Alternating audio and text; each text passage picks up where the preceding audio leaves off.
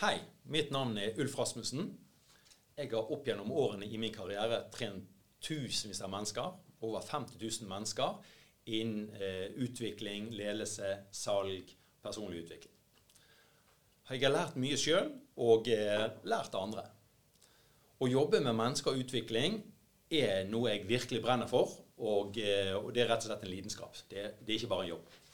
Så jeg opp gjennom mitt liv og min karriere så har jeg alltid studert. Jeg har alltid jobbet med eh, nye ting innen personlig utvikling, endring og, og omskolering for å, å, høste nye ting.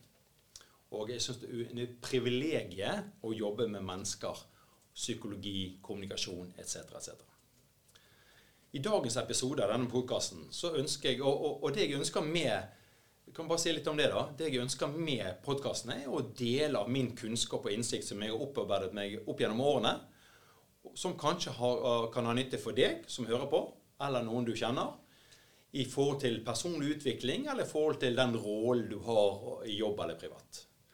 Eh, det, det masse, jeg har masse verktøy som jeg kan dele med, og flere av disse verktøyene bruker jeg i dag i forretningsøyemed i forhold til de kundene jeg jobber med. Jobber også med flere av de verktøyene sjøl. Og det er noen av disse verktøyene jeg ønsker å dele med deg som hører på denne podkasten. I dagens podkast ønsker jeg å dele med deg litt om hvordan hjernen fungerer.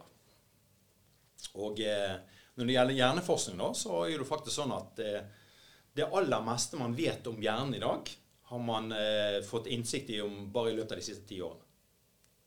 De siste 15 årene.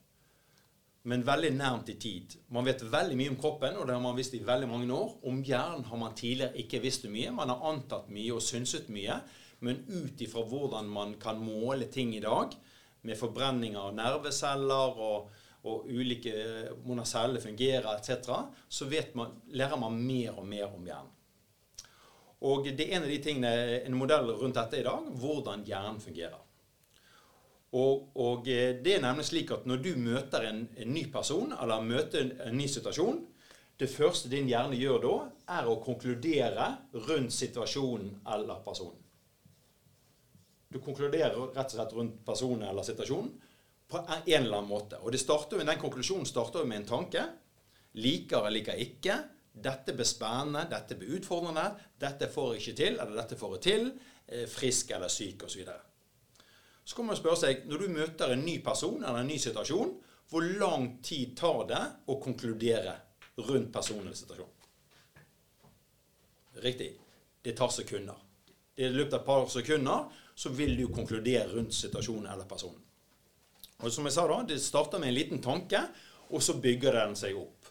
Og Man snakker om at det kan opp til tre til fire minutter, så har du konkludert, da, men eh, som regel så går det mye mye raskere. Den første tanken du får, gjør at du konkluderer rundt situasjonen eller personen. Det neste som skjer oppi vår hjerne etter du har konkludert rundt situasjonen eller personen du møter, er at din hjerne ubevisst og bevisst søker bevis. Og hva søker han bevis på? Jo, han søker bevis på din egen tanke og din egen konklusjon.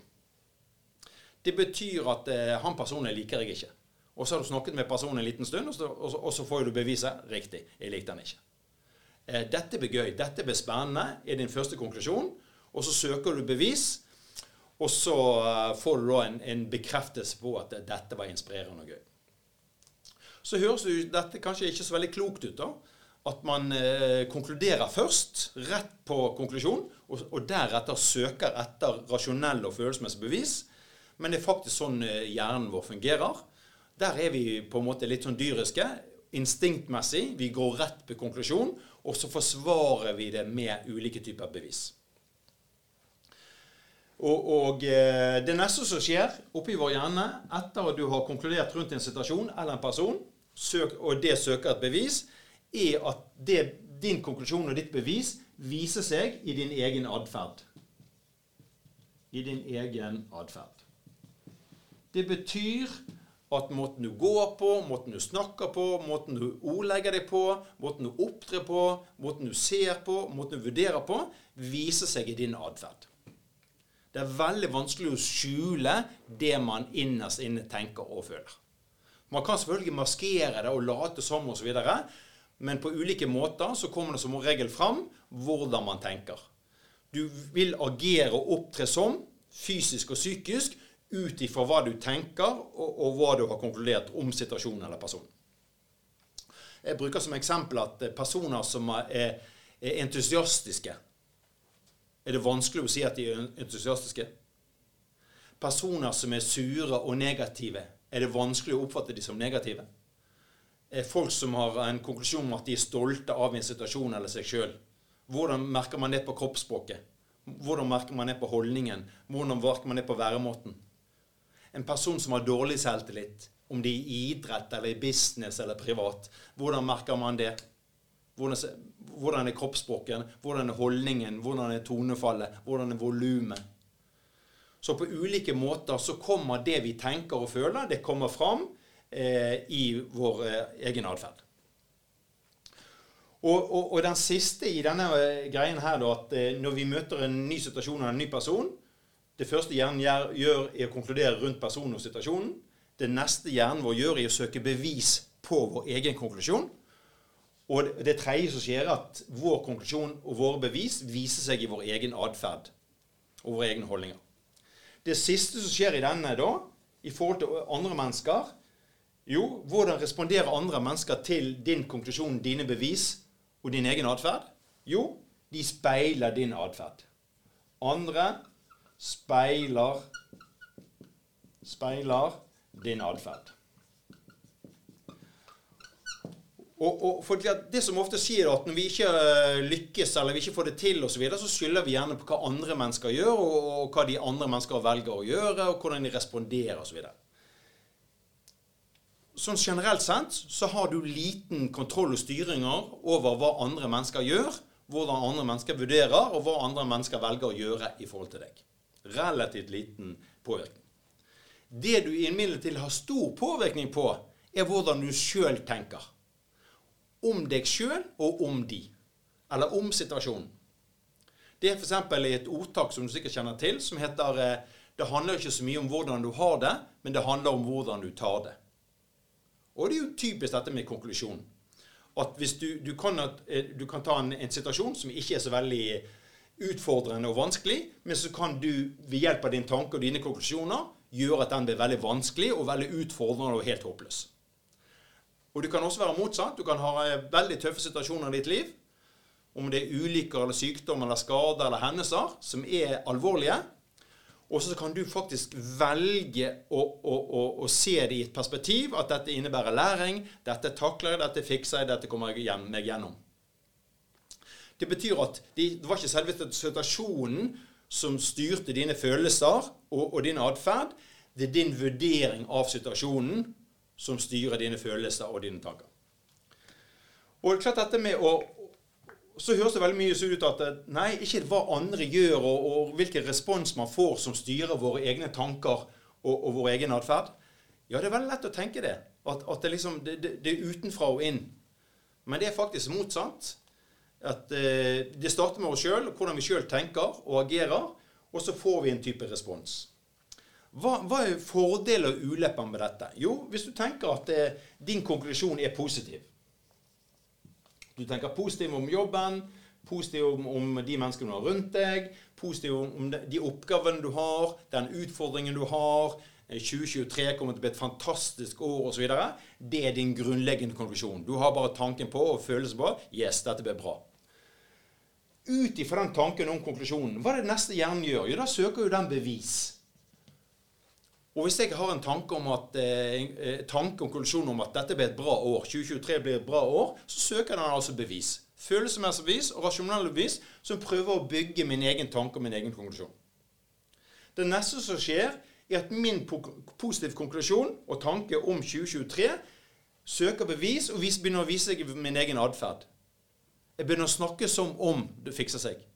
Jeg, jeg, jeg begynner å opptre som og gå som og argumentere som ut ifra det som er min grunnleggende tanke og konklusjon. Og så er det den siste, da, i forhold til dette her, da. Andre mennesker speiler din atferd. Ja, hva er det de da vil speile? Jo, de vil speile din positive konklusjon. De vil speile dine eh, eh positive bevis, rasjonelle følsomme bevis. Og så vil de speile din eh, egen atferd. Den atferden du opptrer med på alle mulige måter. Både tonefall, væremåte, holdninger, ord osv. Det betyr at andre menneskers eh, respons osv. vil ofte være positiv og ligne på det du sjøl tenker. Selvfølgelig ikke uansett. Vi kan ikke styre de, kontrollere de. Men man skulle jo tro at den aller beste måten å påvirke andre mennesker på, det er ikke å fortelle dem hva de skal tenke og gjøre. Det å være og opptre som du ønsker respons på. Så kan man snu på denne motsatte hvis du starter med en negativ konklusjon om deg sjøl og din egen situasjon. Eller sant, om deg sjøl eh, eller en situasjon eller en utfordring du har, så, er du skeptisk eller negativ, har negativ forventning til den. 'Dette går dårlig. Dette kommer til å skjære seg. Eh, sykdom kommer sikkert til å forverre seg. Kommer sikkert ikke til å fikse den oppgaven de utfordringene jeg har akkurat nå.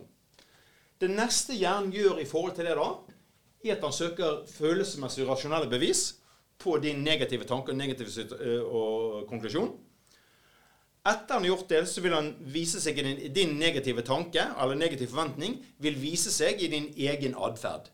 I ditt kroppsspråk, i ditt tonefall, i din væremåte og måten å opptre på. Du vil opptre som at det ikke kommer til å lykkes, det kommer til å gå dårlig. Og så møter andre mennesker denne atferden. Og hva er deres naturlige reaksjon til det? Jo, deres naturlige reaksjon til din egen atferd med negative forventninger og negative holdninger, at de vil speile den og kopiere den. Kanskje uten å tenke så mye over det. Du rister på hodet, og de vil også riste på hodet.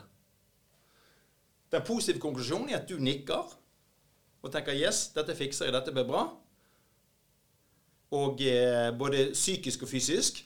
Og, og da er det store sjanser at eh, mennesker du omgås med, om det er kunder eller kontakter eller private osv., så, videre, så vil de dinke med å, og speile denne atferden her.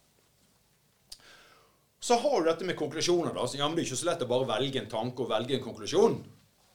For det er, konklusjonen får jo man ut ifra det som skjer rundt deg.